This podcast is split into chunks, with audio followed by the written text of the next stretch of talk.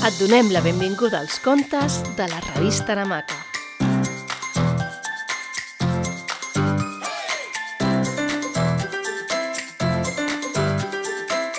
Avui t'explicarem el conte La caixa comú.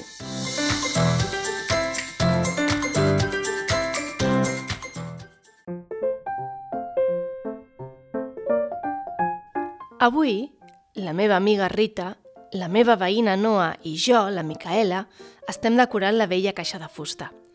Aquesta caixa la va fer fa molts anys la meva rebesàvia, que era molt bona fent coses amb les mans.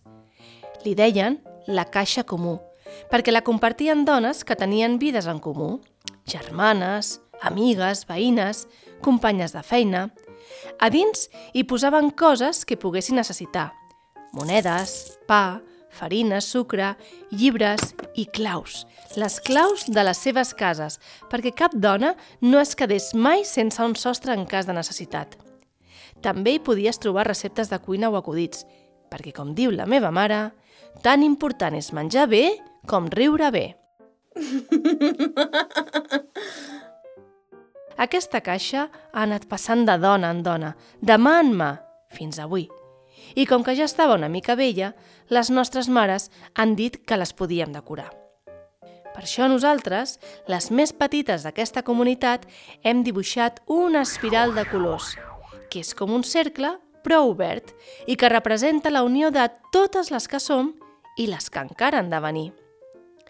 Ara, a la caixa, hi pots trobar coses com carregadors per als ordinadors i fins i tot un telèfon sempre en bateria amb números que poden ser útils en cas d'urgència. Però hi ha una cosa que totes necessiten i que no hi és. Temps.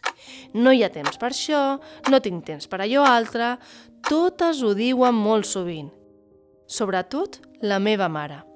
Després de molts anys, ha decidit estudiar una carrera que li agrada molt, però li angoixa una mica.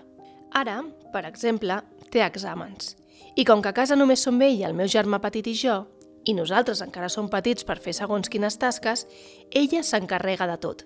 La feina, treure a passejar el gos, la casa, nosaltres... Així que, quan es posa a estudiar, està tan cansada que es queda dormida. L'altre dia es va quedar fregida a taula. I si posem rellotges? Ha proposat la Rita. Estàvem pensant si seria una bona manera de tenir temps quan la meva àvia Anna que ens estava escoltant, ha dit «El que necessitem per tenir més temps és tenir menys feina». Llavors, hem tingut una idea genial. Hem fet un calendari en totes les dones de la Caixa Comú per organitzar-nos mentre durin els exàmens de la mare. Els dilluns, els dimecres i els divendres, la Paula, la meva tieta, deixarà els seus fills amb el seu company, en Manel, que s'encarrega de banyar-los i de preparar el sopar mentre ella va a casa a treure el gos. Els dimarts, els dijous i els dissabtes ho farà la Sasha, la veïna del segon. Els dilluns, els dimecres, els dijous i els dissabtes, el meu germà i jo dinarem a casa els avis. I això m'encanta, perquè el meu avi cuina d'allò més bé. La resta dels dies, la mare de la Noa ens portarà el dinar perquè la mare no l'hagi de fer. I quan ella no pugui, ho farà l'Èric, el germà de la Noa, que estudia per ser cuiner i cuina més del que poden menjar.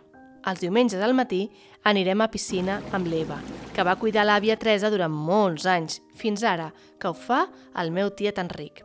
Ara, a la nostra caixa comú s'hi pot trobar una mica de tot el que es pugui necessitar. Fins i tot, temps.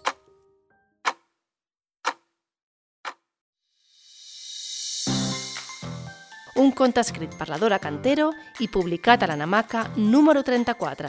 Descobreix més històries namaquianes a www.revistanamaca.com.